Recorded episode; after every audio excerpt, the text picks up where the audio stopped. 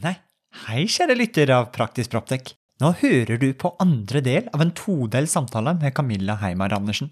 I første del gikk vi gjennom litt grunnleggende ventilasjonsteknikk. Mens i denne delen diskuterer vi masteroppgaven til Camilla, hvor hun har forsket på de vanligste feilene med behovsstyrt ventilasjon, og hva disse feilene koster i energiforbruk. Hvis du ikke fikk med deg delen, kan det være lurt å få med seg den. Der får du også innblikk i et uh, veldig spesielt fotoalbum Camilla har. God lytting! Velkommen til Praktisk Proptech. Med Martin og Tommy. Dette er en podkast der vi ikke skal snakke om en fremtid langt unna. Men hvordan ny teknologi kan hjelpe oss til å drifte, Forvalte. og bruke byggene våre i dag. Vi vil vise deg de beste eksemplene fra innlandet Og fra utlandet. om hvordan sensorikk, teknologi og bygg henger sammen. So, let's go! For nå skal vi inn på det spennende som egentlig omhandler litt mer denne masteroppgaven. Og jeg syns jo at dette her er en clickbait-tittel i hele tatt. Hva koster feil, det? Og Mm. tidligere har jo meg og Martin snakket veldig mye om på for, for forskjellige foredrag, eh, og på forskjellige scener har vi snakket om hvordan sensorikken kan finne feil, hvordan sensorikken kan finne fasiten, der et SD-anlegg ofte er en budsjett. Og for det som ofte er på et spygg i dag, det er jo det at vi setter jo parameter, vi er det prosjektert, vi skal styre det i henhold til, og alle punktene er gjerne satt inn på en datamaskin, og så håper vi å krysse fingre og tær for at dette virker. Og så har jo vi et par store og flinke mennesker eh, som er mye, mye eldre og visere enn meg og Martin, og jeg tror de er eldre enn deg òg, Camilla. Og det, er det, og det er det at de, eh, de har jo gjerne sagt at du Det var jo Brynjulf Skylsvik som sa at ti av ti bygg eh, har feil på styring. Og etter din forskning, er dette her noe du òg har sett, eller hva tenker du om byggene i dag? Fungerer de egentlig? Jeg eh, syns det er et utrolig interessant, høyaktuelt og veldig relevant spørsmål. Og vi stiller oss jo det fortsatt egentlig hver dag, nesten. Jeg eh, var jo så heldig å få lov til å intervjue en god håndfull, mer enn en håndfull, mer enn to håndfulle faktisk, eh, med ventilasjonseksperter for å faktisk finne ut av dette her, da, og prøve å finne ut kanskje en liten brøkdel av dette her. da. Denne type forskningsmetodikken var jo veldig bransjenær, og det er jo sikkert derfor den har fått litt oppmerksomhet, at dette er noe som treffer veldig mange. For det er jo både som sagt et veldig aktuelt tema.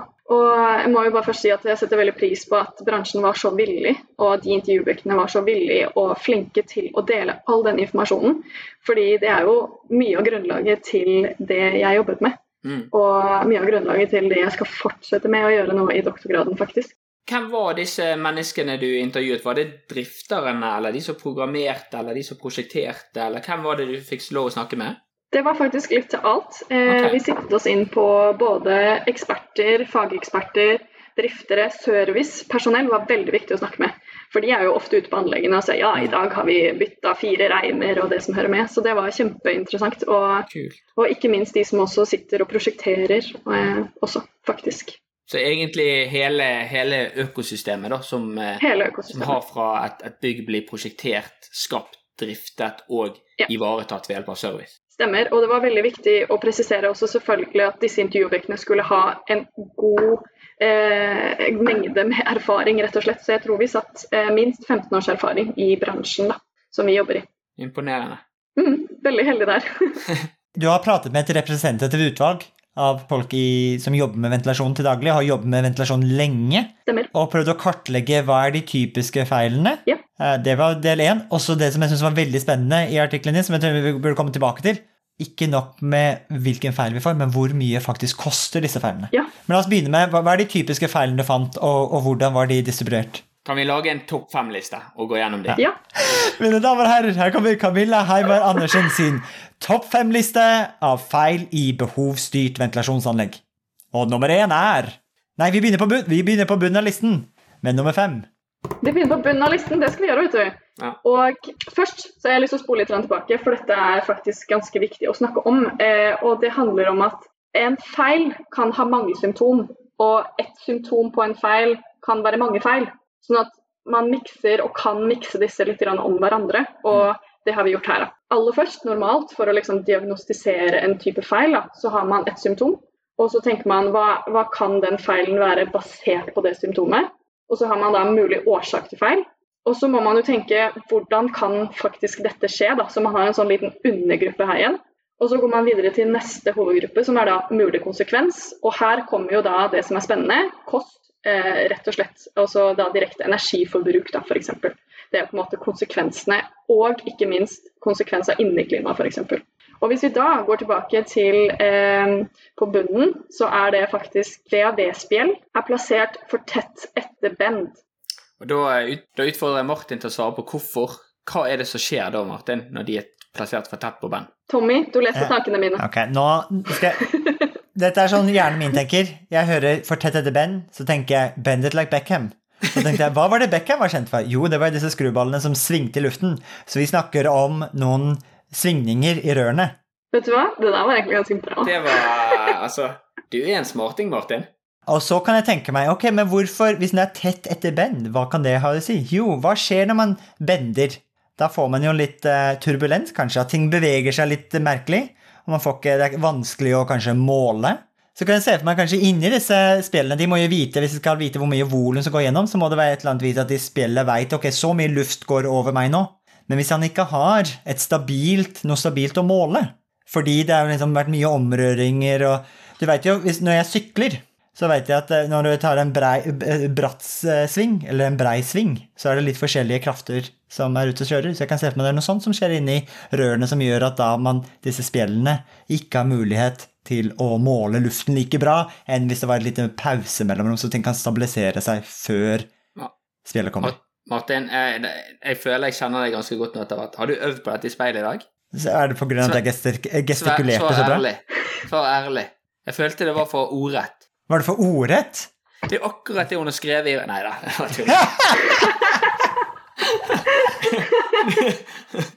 Nei, det var fantastisk bra svart, syns jeg, Martin. Ja. Er du, er du enig, Camilla, forresten? Det glemte jeg å spørre om. Vet du hva, jeg er veldig enig, men jeg har lyst til å kanskje legge til eh, en litt mer sånn eh, En setning som kanskje passer oss eller treffer oss litt mer i hjertet. Og det er at dette, hvis den er plassert for tett etter bend, da mindre enn tre til fem ganger kanaldimensjonen, basert på om det er eh, sirkulær eller eh, rektangulær, eh, så gir det oss en feil hastighetsprofil som fører til feil pådrag av luftmengde til de respektive rommene luften skal til. Mm. Ja. Det, var, mm. det var teknisk bedre karakterer, altså. Ja. Men jeg syns du var veldig flink å få frem budskapet, Martin, som alle som spiller fotball, skjønte hva du mente, følte jeg. Ja, altså. du traff noen hjerter ja, der. Ja. Jeg syns det er litt ironisk, for vi har jo allerede fått fram at jeg har veldig lite fotballkunnskaper. Ok, da har vi kommet til uh, nummer fire på vår uh, toppliste. Og det var manglende tilkomst til dette VAV slash BCV-spjeldet. Vil du prøve deg? Tilkomst? At man ikke får tilkomst. tilgang til den? Ja. Hvorfor skal man ha tilgang til et spjell? F.eks. Du snakket litt om dette i sted. Da. Dette med at man må ha noe å måle luften. Altså Det må jo være noe i dette spjeldet eh, som måler luftmengden eller pådraget som er, skal til dette respektive rommet, eller respektive rommet ned. Mm -hmm. Og eh, for ikke minst så må man jo eh, innregulere ofte, hvis man eh, snakker om trykkstyrt og optimizer-anlegg osv. Og Derfor er det veldig viktig å kunne komme til spjellet da, for å koble og innregulere det som hører med. Og ikke minst denne remseluken på dette spjellet, som gjør at man kan eh, rense vekk støv og dritt og lort som kommer på disse målekorsene. Så det er ofte et sånt kryss, eh, eller det kan være et kryss. Nå finnes det også ultralyd, eh, ja, blant annet. Men eh, typisk da, dette eh, målekorset da, som blir fullt av dritt, og det må spyles eller eh, renses for å kunne måle riktig. Og Hva er det, den, hva er det den, disse sensorene inni spillene de måler? Luftmengde. Eller skal kalkulere et settpunkt da, å, eller pådrag for å sende luften til rommene. Så, så egentlig grunnen til at vi skal ha tilgang, er til å kunne fininnstille disse spillene?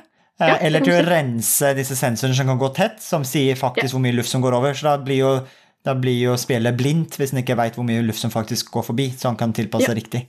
Eller at ikke det ble innregulert, fordi at man har bare plassert, man har snudd hele spjellet. Bare satt i en stilling hvor eh, Fordi himlingen er falt satt ned, eller det er andre rør eller koblinger som faktisk mm har gjort slik at ventilasjonen har blitt nedprioritert. Og dette her, det syns jeg er litt sånn, det var alltid bekymringen min når jeg holdt på mesteranlegg. For dette var jo sånn man så når man kom etterpå og skulle programmere dette, så tenkte man at hvordan har noen i hele tatt klart å koble seg til dette, eller hvordan har noen i hele tatt klart å, å innregulere dette, eller hva har de gjort? Og det som min, alltid vært min største bekymring, er jo det at når vi snakker om service i ettertid, så har jo du flinke ventilasjonsfolk som sjekker ventilasjonsanlegget, skifter filter, flinke automatikkfolk som sjekker automatikken, men det er ingen som går over himling og sjekker eller Det er veldig få i hvert fall som går over himling og sjekker disse spillene, for de har ikke den gode tilkomsten. De klarer ikke å kontrollere de, de klarer ikke å se spjellevinkelen gjerne, som du ser på siden med et liten sånn eh, rett og slett et lite kryss eller et lite merke på det. Og har du ett dårlig spjell, og der var jo du inne på litt de to typer måtene å styre et aurat på, trykkstyrt eller optimizer-styrt. Jeg lurer på om vi burde fått med oss det på den, eh, den grunnutdanningen i ventilasjonsteknikk. Men, men, det er i Du har enten et fast trykk i, i kanalnettet som du kjører etter, eller så har, ønsker du at alle spjellene skal være så åpne som mulig. Gjerne et settpunkt på 95 eller 90% og så girer ventilasjonsanlegget opp og ned i takten. Det er det som gir pådraget. Men uansett, så det vil jo si at hvis du har ett dårlig spjell, eller to dårlige spjell, eller tre dårlige spjell, så får du vel et veldig dårlig teknisk anlegg etter hvert. Var dette et stort problem? Det var nevnt et par ganger eh, fra intervjuobjektene, så derav ble det faktisk tatt med. Men dette igjen er jo ikke en type feil eller et symptom sånn sett. Det er jo, man, det er jo en årsak til at noe har skjedd. Mm. Sånn at, eh, ja. Men det ble nevnt eh, at dette var en utfordring, da, men dette, dette lukter jo drift lang vei, eller altså de som faktisk er på service og skal sjekke osv., fordi det har vært noen ting, da. Mm. Så ja. Mm. Den, eh, hvis vi tar topp eh, nummer tre der, ja. hva er det for noe? Nummer tre det var unormal støy. Og dette her var et typisk eh, symptom da, som var nevnt ofte fra brukerne som hadde klaget da, til lærer f.eks. Og læreren hadde da klaget videre og sagt at det durer veldig, vi hører mye lyd. Um, og det, det, er ubehagelig, altså det er unormalt da, med støy. Fordi eh, jeg personlig liker jo veldig godt den durelyden, sånn mm. hyggelig luftlyd. Fordi at du kjenner sånn OK, nå, nå jobber ventilasjonsanlegget, nå jobber varmegjenvinneren veldig bra her. Og, eh, men når du kjenner at det er unormalt, at eh, du sliter med å konsentrere deg hvis det skulle være en prøve osv., så, videre, så um, så var dette en utfordring, da, eller et type symptom på at noe ikke var som det stemte. Og årsaken til dette var ofte eh, nevnte intervjuobjektene at det mangler et lydfelle. Ofte så har du lydfelle. Og at spjellet struper for mye. Det er faktisk innregulert hva kan man si, for hardt. Eller at eh, det, det, skaper støy eh, når luften kommer på dette spjellet og skal ut i rommet. Eh, eller feil driftspunkt. da, eh, Typisk eh, trykkstyrt anlegg. Eller at isolasjonen, det mangler isolasjon, da, sånn himling eh, høyere opp, mm. eh, vegger osv. Ja. For, for det, første, det, første, jeg tenkte når jeg leste det, var jo det at det at du har spjellene på en måte som en manglende tilkomst til unna, og så har du støy mm. over, så tenker jeg med en gang at, at uh, det kan ha et sammenheng. At hvis du har spjell for Sånn ideelt sett i et teknisk anlegg, Martin, så skulle jo man ønske den, den våte, ville drømmen til en et, et kanal er jo at det skal være minst mulig trykk. Det skal være lettest mulig at luften går. Og hver gang et ventilasjonsanlegg, nei, et VAV-spjell lukker seg, så vil jo du skape et høyere trykk. Og jo mm. høyere trykk, jo mer må viftene jobbe, og jo mm. mer energi bruker du. Så for meg så virker det som at unormal støy de, de, gangene jeg var feilsøkte på service, så var det veldig ofte et, et spjell som var grunnen til at du på en måte pushet luft for, for mye gjennom det VRV-spillet, uten at aggregatet nødvendigvis jobbet ned. Men gikk dere, gikk dere så grundig til verks på, på, den på støy, eller var det på en måte at det var, det, det var så mye forskjellig som gjorde det? Mye forskjellig som ja. gjorde dette, som, førte, som kunne føre til, rett og slett. Ja. Og da har vi kommet til andreplassen, Camille? Andreplassen, det er eh, Jeg ville også sagt at dette er en årsak, da. Men altså, det, er en, det, er jo en, feil også. Det er jo et symptom, og det er eh, en, en, en, feil. Eh, og det var at CO2 slash eh, temperatur, eller CO2 eller temperatur, var plassert ugunstig. Og dette kan jo føre til veldig mange forskjellige ting. Eh, og bl.a. oftest så kan dette føre til økt eller faktisk lavere luftmengde enn design eller ønsket inn i det respektive rommet. Hvordan kan man plassere, Når vi snakker om at det er feilplasserte sensorer i rommet, um, ja. hvordan, hvordan, er de feilplassert? Eller hva er riktig plassering, da? Eh, la oss ta feil først. Eh, feil er ofte f.eks. rett før eh, Hvis det er et litt mindre rom eh, og ikke så mange personer inne i dette rommet, et grupperom eller osv. Sensoren er da typisk plassert på eh, en vegg. Du åpner opp en dør f.eks., og du går veldig ofte frem og tilbake fra denne, men du sitter kanskje litt lenger unna den. Den vil ofte reagere på det.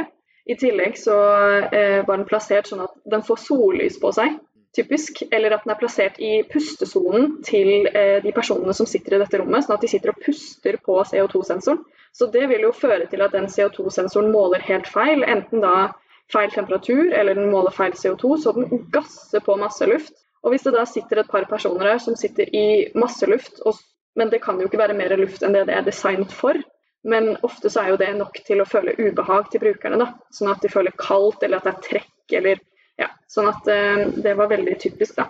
At man plasserte liksom pustehøyde på personene. Og det ga helt feil målinger. Det var jo, det var jo det, var, det er to ting jeg kjente meg veldig igjen i det, Camilla, når, når, når jeg leste dette. Og det var jo nummer én at du, du, monterer gjerne sensorer og plasseringer der som er veldig fornuftig i forbindelse med kabelen. Kabelbroene. Mm. Og det er jo sånn typisk at kabelbroen er rett over deg, du tar den rett ned. Og så er det òg sånn som så du sier akkurat med døren, eller helt i hjørnet av rommet, som gjerne ikke representerer helt, helt gjennomsnittet av rommet. Men jeg, mm. jeg har òg flere ganger Jeg husker jeg monterte dette her, fikk det opp og gå. Eh, og så kom jeg tilbake, jeg skulle på service året etterpå, og da var jo selvfølgelig kaffetrakteren plassert rett, eh, rett, rett under den sensoren. Og når jeg var inne på loggen og så, så var det flere ganger for dagen den ble 40 grader. Så den sensoren kunne jeg kun bruke til å egentlig holde traction på hvor masse kaffe de drakk. Ikke styre noe med den, i hvert fall. Men dette her er jo, dette er jo en sånn ting som vi alltid har gjort i byggebransjen. Vi har alltid hatt kablet utstyr. Og ikke minst når vi skal flytte på vegger og gjøre ting, så er det veldig lite fleksibelt. Denne plasseringen her, var det at det var det som var flest ganger nevnt som feilkilder? Er det det ja. den, ja, så det er det topplisten er, at det var flest ganger. Så nummer topp to-listen så var det faktisk plassering, feil plassering av CO2 og temperatursensor. Ja, det var ofte brukerne som klaget, og så gikk de da, Drift gikk ofte da rundt og eh, sjekket, og det gikk videre til eh, toppen. Og så fant de ut egentlig hvorfor. Mm. Eh, hvorfor er det så klaget her?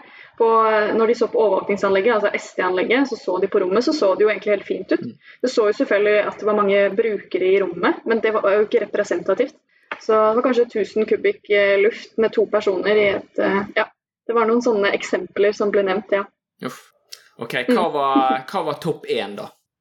Topp én er eh, også et type symptom, eller en årsak eh, igjen, da, Man nevner det. Eh, og det var ubalanse.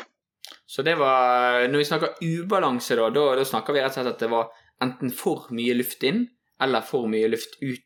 Ja, da vil jeg kalle det overtrykk under, eller undertrykk da, i rommet, basert på omgivelsene sine. Eh, og det skjedde typisk, eh, det ble nevnt et par ganger, at det skjedde ofte hvis det var rehabilitering i bygget. Og de fjernet en vegg, eller satt opp en vegg. Så ble det satt kun opp tilløpskanaler, eller kun avtrekkskanaler. Og så finner man egentlig ikke grunnen til hvorfor ikke det var da innregulert ordentlig, eller eh, hvorfor det ikke var eh, eh kontroll. da. Det, det, kan man jo ikke si noe på akkurat her. Eh, og, og det skapte dette typisk at det var vanskelig å åpne opp døren eller lukke døren, og at det suste veldig sånn når du åpner opp døren, sånn lyd. Eh, var sånn klassisk. For dette drar jo meg òg tilbake til dette berømte spjellet. Jeg, jeg, mener jo at spjellet er liksom en av de verste synderne i bygget. Og når jeg leste dette her så tenkte jeg sånn ok, mangler tilkomst til VVS-spjell, støy og så ubalanse. Alle på, altså jeg, jeg, har vel kanskje lagt det VV-spillet for hat, eller, men det er jo alt for meg som pekte liksom det på at det er der synderen er. For det er liksom det som ligger oppe i himlingen som, som vi gjerne ikke har med oss på servicerundene våre. Og, og, eh, men, men eh, var det noe Var det òg var det noen eksempler der du hadde bygd om, og så hadde man på en måte plutselig ikke fått med seg tilluft i et rom, eller plutselig ikke fått med seg avtrekk, eller manglet spalter mellom dører og vinduer? Var det òg et problem? Det var det som var nevnt, ja. ja. Så det var et typisk eksempel på dette, da. Eh, og ikke minst slitasje på system. Eh, og feil innregulering eh, ble nevnt et par ganger. Eh, og at koblingen, altså når de sjekket om innreguleringen, hvordan det sto til da med, med luftmåling eller kontrollmåling, eller var, så var det ikke koblet, det var ikke kablet ordentlig. Sånn at det var noen som tilførte luft, og noen som ikke tilført luft i det hele tatt, eller avtrekk for den saks skyld. Eh, ja, eller feil driftspunkt eller feil styring eh, på disse. da. Jeg, jeg, har en, jeg, har en, veldig veldig kort digresjon her. da, og det er jo det at jeg har jo Jeg sitter jo i et bygg der jeg hadde akkurat samme problemet, Proptech Bergen. Eh, og eh, vi fant ut for et år siden at alle VRV-motorene, altså eller spjellmotorene, som vi hadde, var av en fabrikat som var defekt. Så ingen av, ingen av spjellmotorene har noensinne virket de siste fem årene. Og de sto i en fast stilling der de døde. Så bare se for deg liksom en Se for deg robothunden vår som går, og akkurat idet han går for siste gang, så stopper han opp, og der blir det på en måte freeze. Og i den posisjonen har det alltid stått. Så vi hadde jo noen rom med ekstremt masse luft for, for mennesker. Noen rom med minimum luft hele tiden. Og vi har nettopp tatt den jobben med å skifte alle VV-spillene. Og dette var jo noe som vi hadde service på. Fullserviceavtale. Altså da snakker vi fire ganger i året, og, og med alle tekniske fag. Vi hadde ingen som merket det. Vi hadde drift. Jeg forvaltet dette bygget. Jeg klarte aldri å finne ut av det, for det var jo gjemt opp i himlingen. Ingen, jeg hadde ingen esteanlegg som viste meg eh, luftmengden eller noe. Og, og dette her eh, var heftig feilsøking med forskjellige difftrykksensorer og trykksensorer i rommet før jeg skjønte før jeg, Og så begynte vi selvfølgelig å krype opp i dette her. Men da var det akkurat sånn som du sa. Spjellet var i den retningen sånn at det, det var fire centimeter mellom betongen og spjellet. Mm. Og vi klarte liksom ikke å se dette. Jeg måtte nesten de, demontere hele VAV-spjellet for å bare få ut igjen motoren. Så dette har vært en heftig jobb vi faktisk jobber med den dag i dag. Men eh, da har vi egentlig kommet gjennom vår topp fem-liste til Camilla Heimar Andersen. Jeg hadde lyst til å, det er jo, Du har jo en liste her med ti feil, så jeg hadde lyst til å ta fram to andre her. Som var kanskje relevant. Den andre var eh, hei, eh, høy energi, eh, høyere energiforbruk enn var prosjektert. Ja, og vet du hva, den her er meg hjertenær. Fordi eh, dette her er jo selve bakgrunnen til ph.d.-en min, og det er jo noe vi ønsker å finne ut av. Altså bridge the gap mellom målt og simulert energiforbruk. Eh, og igjen, dette her er jo en konsekvens, ikke sant. Så på denne typiske feilen eller symptomet eller eh, konsekvensen, da, så kan man jo eh, si at eh, man sitter og ser på årlig energiforbruk eller månedlig eller daglig eller det man ønsker å følge opp. Og så ser man vet du hva, vi ligger utrolig mye høyere enn det vi skal gjøre. Her må det være noe. Og så må man da gå gjennom f.eks. settpunktene sine, man må se hvordan eh, ventilasjonen styres. altså Er det noen alarmer som ikke vi har sett på? Og nå snakker jeg jo da om å se på dette f.eks. i SD-anlegget, hvis man har det. Ofte så har man jo det hvis man følger opp i energi, eh, dette EOS-systemet, energioppfølgingssystemet sitt, da, i tillegg ved siden av. Eh, og eh, her er det jo en million av forskjellige ting det kan være. Eh, men det var også en typisk ting da vi så at energiforbruket, altså årlig energiforbruk var veldig mye høyere enn forventet. Og her er det som sagt en lang liste med ting. Så, kan, ja. du, kan, du, ta nevne noen av de typiske feilene og symptomene i denne kategorien? Ja, jeg, jeg kan prøve. Eh, og eh, det var typisk at dette DCV-anlegget, eh, behovsstyrt ventilasjonsanlegget, det ble styrt som en sånn konstant eh, ventilasjon, altså CAV. Sånn at det gikk liksom fra V-min, V maks, og så gikk det der hele dagen. Og så gikk det sakte, men sikkert ned til V-min igjen, og så bom, neste dag. Det var også sånn typisk at det ikke modulerte sånn rolig og forsiktig. Camilla, jeg ser på listen Jeg har, master, jeg har uh, artikkelen du publiserte foran meg nå her, og så ser jeg på den listen, Tommy.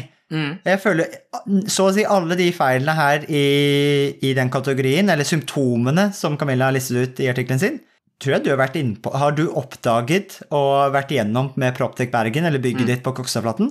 Her skal jeg lese ordet her. Så er det lyset er, er lagt Nå må jeg simultanoversette fra engelsk, da. Lights are left on 24 timer 7. Lyset står på gjennom hele døgnet. Mm. Den opplevde du på Proptech Bergen. An andre etasjen oppdaget vi. Ja. Kjøling og oppvarming på samme tid. Ja, vi, eh, det hadde vi òg. Vi hadde òg i tillegg eh, pumpen i kjølekursen feil vei. Eh, eh, og, og, varmesystemet er satt til maks gjennom hele døgnet og uken. At man ikke har nattsenking. Ja, helt riktig. Eh, og så hadde vi at spjellene ikke er styrt i forhold til hvordan det var planlagt. Eller man har ikke, faktisk styrer ikke etter eh, behovsstyrt som det var planlagt. Og du, hadde, du, skrevet, du sa jo tidligere at disse spillene sto jo dønn stille. Var, mm. Spillmotoren funka ikke. Det som vi òg ser, det er jo at det er veldig mange bygg som sliter med akkurat dette. Og jeg, jeg syns du, du, er veldig inne på det der du, sier, der du sier at eh, energiforbruket var mye høyere enn det som var prosjektert. Sant? Du har en kjempefin energikarakter i gangen. 125 kWh per kvadratmeter. Og så ser man, når året er omme, at oi, vi har brukt dobbelt så mye energi. Og så er det, og det som alltid har forstyrret meg, og grunnen til jeg har fått den forkjærligheten for eksisterende bygningsmasse, er jo akkurat det at det er så mange Det å følge dette opp, der har vi ingen regler eller lover, liksom, ingen sånne store tekker på det. Men når vi bygger, og da har vi så masse å forholde oss til. Men så er det liksom hele det livssykluset med 60 år i drifting av dette, eller 80, så vi håper at byggene kanskje får leveår til, så, så, har ikke vi krav til den oppfølgingen der. Og, og, da er jo det akkurat sånn som du Det hjelper ikke å ha et VVS-anlegg altså variabel luft hvis, hvis, du uansett kjører det på maks og min. Og det hjelper ikke å ha nattsenking hvis, hvis det er samme temperatur på natt og på dag, sånn som vi ofte ser på bygg. Uh, og det hjelper ikke å ha verdens beste uh, lyssystem der du gjerne styrer på en eller annen luks hvis settpunktet ditt er feil.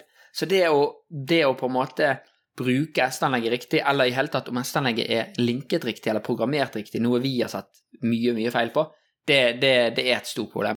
Da har vi kartlagd alle de typiske feilene, men jeg tenker vi, vi, jeg tror de fleste veit at ting ikke alltid fungerer som det skal på byggene. Ting er feilprogrammert, ting er ikke feil satt opp. Men til å virkelig gjøre noe med det, så må man ta på seg blårussluen og virkelig forstå hvor mye koster disse feilene.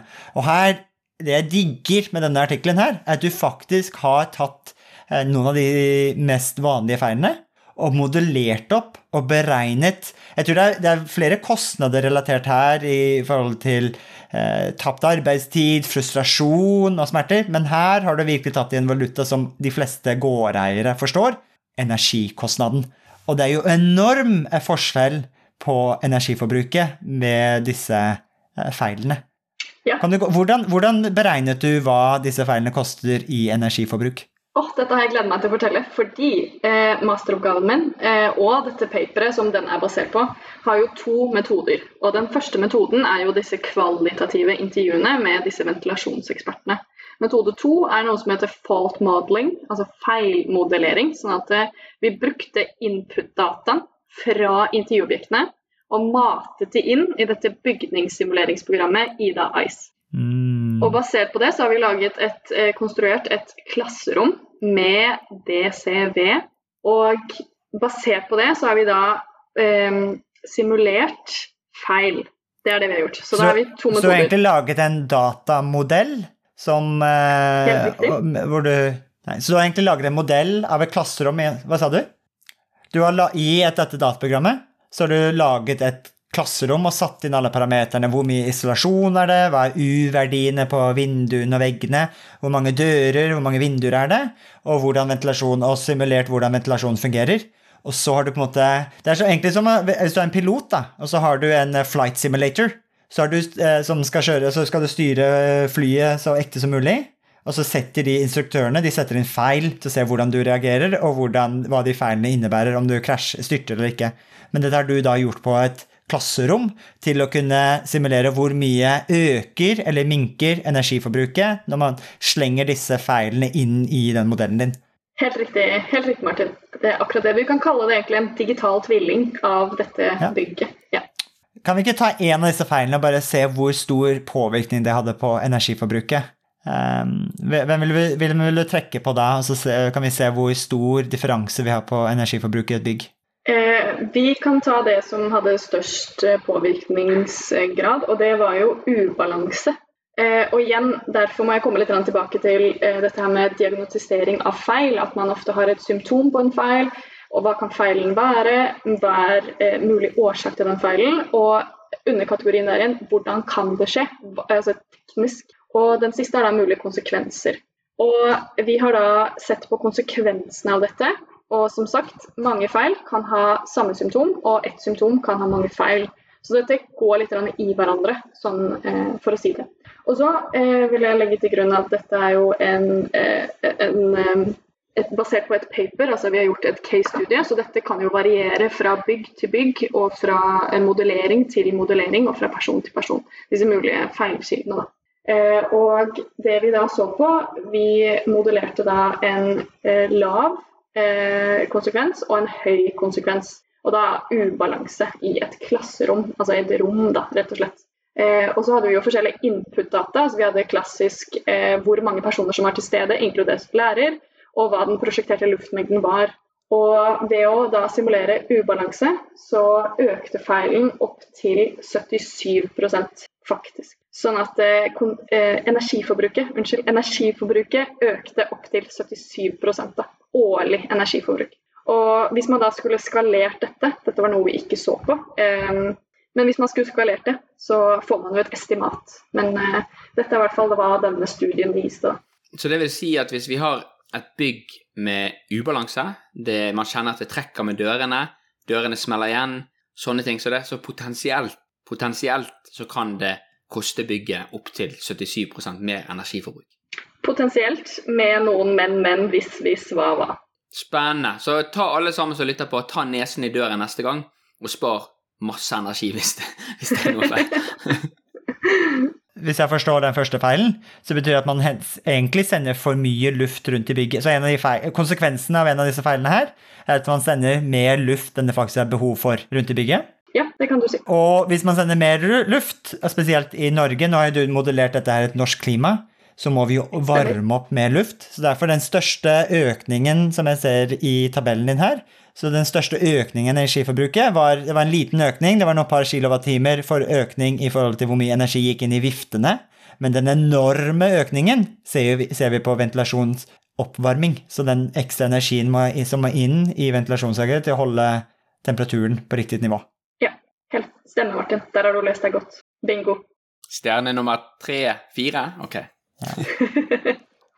Det, det, det, et, en annen feil som faktisk minka uh, Så det er jo ikke alle feilene forårsaket økt energiforbruk. Så la oss trekke fram én feil til, og det var jo disse feilplasserte sensorene. Uh, hvor Eller nei, la oss trekke fram én feil til, som var at settpunktet på CO2-sensoren var feil. Det som, det som, var tilfellet her, var jo at CO2-settpunktet var satt veldig høyt. Altså det var satt Man kan kalle det Eh, feil eller uønsket eller ugunstig. At det var satt mye høyere. Og her tror jeg CO2-settpunktet vi satte til 1100, hvis, stemmer, hvis det stemmer. Okay, såpass, ja. ja så eh, det vil jo si at det er ikke nødvendig å spyle inn så mye luft inn i dette rommet. Og det vil jo si at man ikke da bruker så mye energi, da, rett og slett. Nei. For her, i, i den modellen her, så, uh, med denne feilen, hvor settpunktet var feil, det vil da si at han trodde uh, se, uh, Minka faktisk energiforbruket. Ja. Men det er jo fordi men sannsynligvis det inneklimaet og det opplevde komforten til de i rommet, de vil da få for lite luft i forhold til antall ja. mennesker. Absolutt. Helt riktig. Jeg syns det feilen der er jo, er jo, veldig spennende, for det viser jo også at, at et bygg det er jo et balansebrett mellom inneklima og energi. Så vi skal bruke riktig energi for å få riktig inneklima. Og det er jo akkurat dette her at Og her er jeg alltid litt redd for, eh, for, for, hva som endrer seg i bransjen. Sant? Det er derfor jeg, jeg, har vært litt negativ til at vi skal alltid bare styre et bygg basert på energi. For det, da kan jo du kanskje gi et insentiv til at leietakerne ikke får det så bra. Det er bare å skru av ventilasjonsaggregatet, sparer mye strøm. Det er jo veldig, det, det er veldig billig å drifte et bygg og bare ta hovedsikringen. Eh, men, men, dette her er jo, det er jo dessverre en sannhet med det. Vi ser jo mange som ønsker å ha altfor gode resultater, som senere har tunet ned ventilasjonsanleggene til altfor lave hastigheter, som gjør at, at de noen rom ikke engang får nok minimumsluft, eller at de har stilt opp settpunktene altfor høyt, og så sier de at nå er det min teknologi som har spart ufattelig mye energi.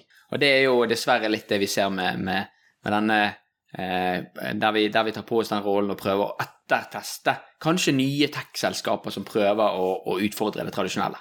Men avslutningsvis så pleier vi alltid å stille et spørsmål, et litt signaturspørsmål. Og du har jo, du startet jo veldig bra med å trekke frem masse flinke folk. Meg og deg hadde jo en hyggelig kaffeprat før der, der jeg syns du fremsnakte så utrolig mange.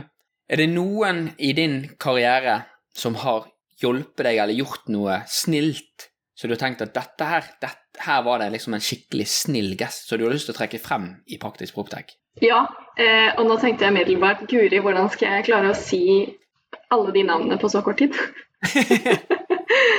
Men en person som eh, har sparret med meg både til forskjellige konferanser, og som har sparret med meg til forskjellige eh, sammenhenger i når det kommer til eh, Altså, eh, kan jeg begynne på nytt på den her? Selvfølgelig. Ja. Eh, jeg ble litt satt ut. Jeg ble litt rørt. Vi, vi må si at eh, vi har hatt mange gjester som har sagt nei, har ingen. Jeg har en lang liste. Men uansett, eh, fordi jeg skal forlate denne personen, og jeg syns det er litt trist. Og på mandag så eh, snakket vi sammen, og da var det sånn Vi sendte hverandre en sånn gif på Teams. Sånn siste uke. Fordi jeg er jo, begynner jo på doktorgraden min på mandag.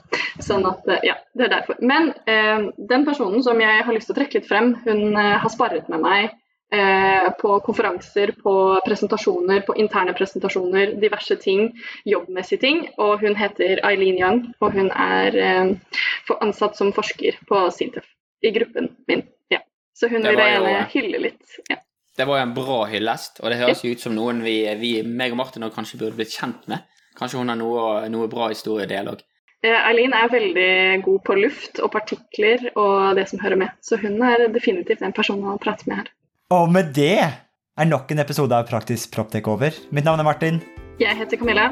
Og mitt navn er Tommy. og du har nettopp hørt på Praktisk proptek!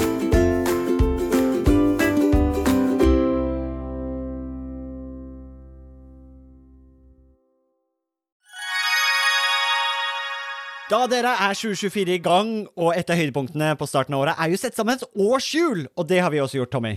Ja, Akkurat nå sitter jeg og ringer rundt 25. og 26. april, for da skal vi på FTV-kongressen. Og det blir litt ekstra spesielt i år, Martin. Det var jo veldig spesielt i fjor òg, for jeg husker det vakre øyeblikket når eh, du og Magnus fra FTV-kongressen eh, preiket sammen og egentlig unnfanget og satt sammen en god idé.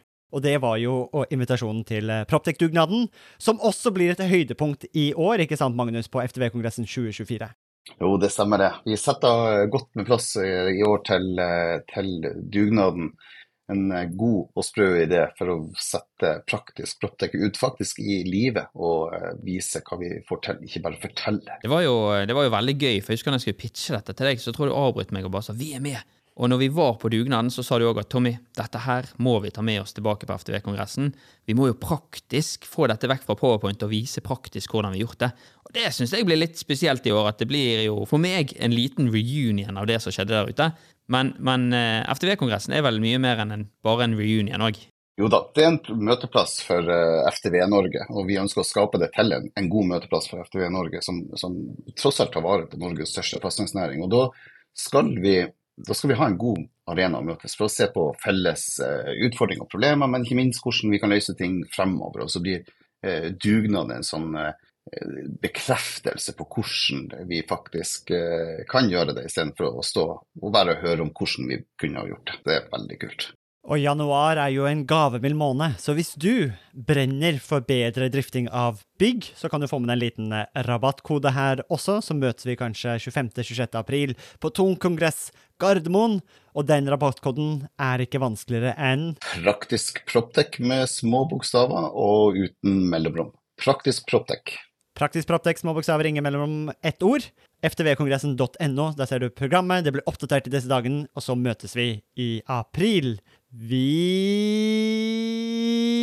Vi ses! ses!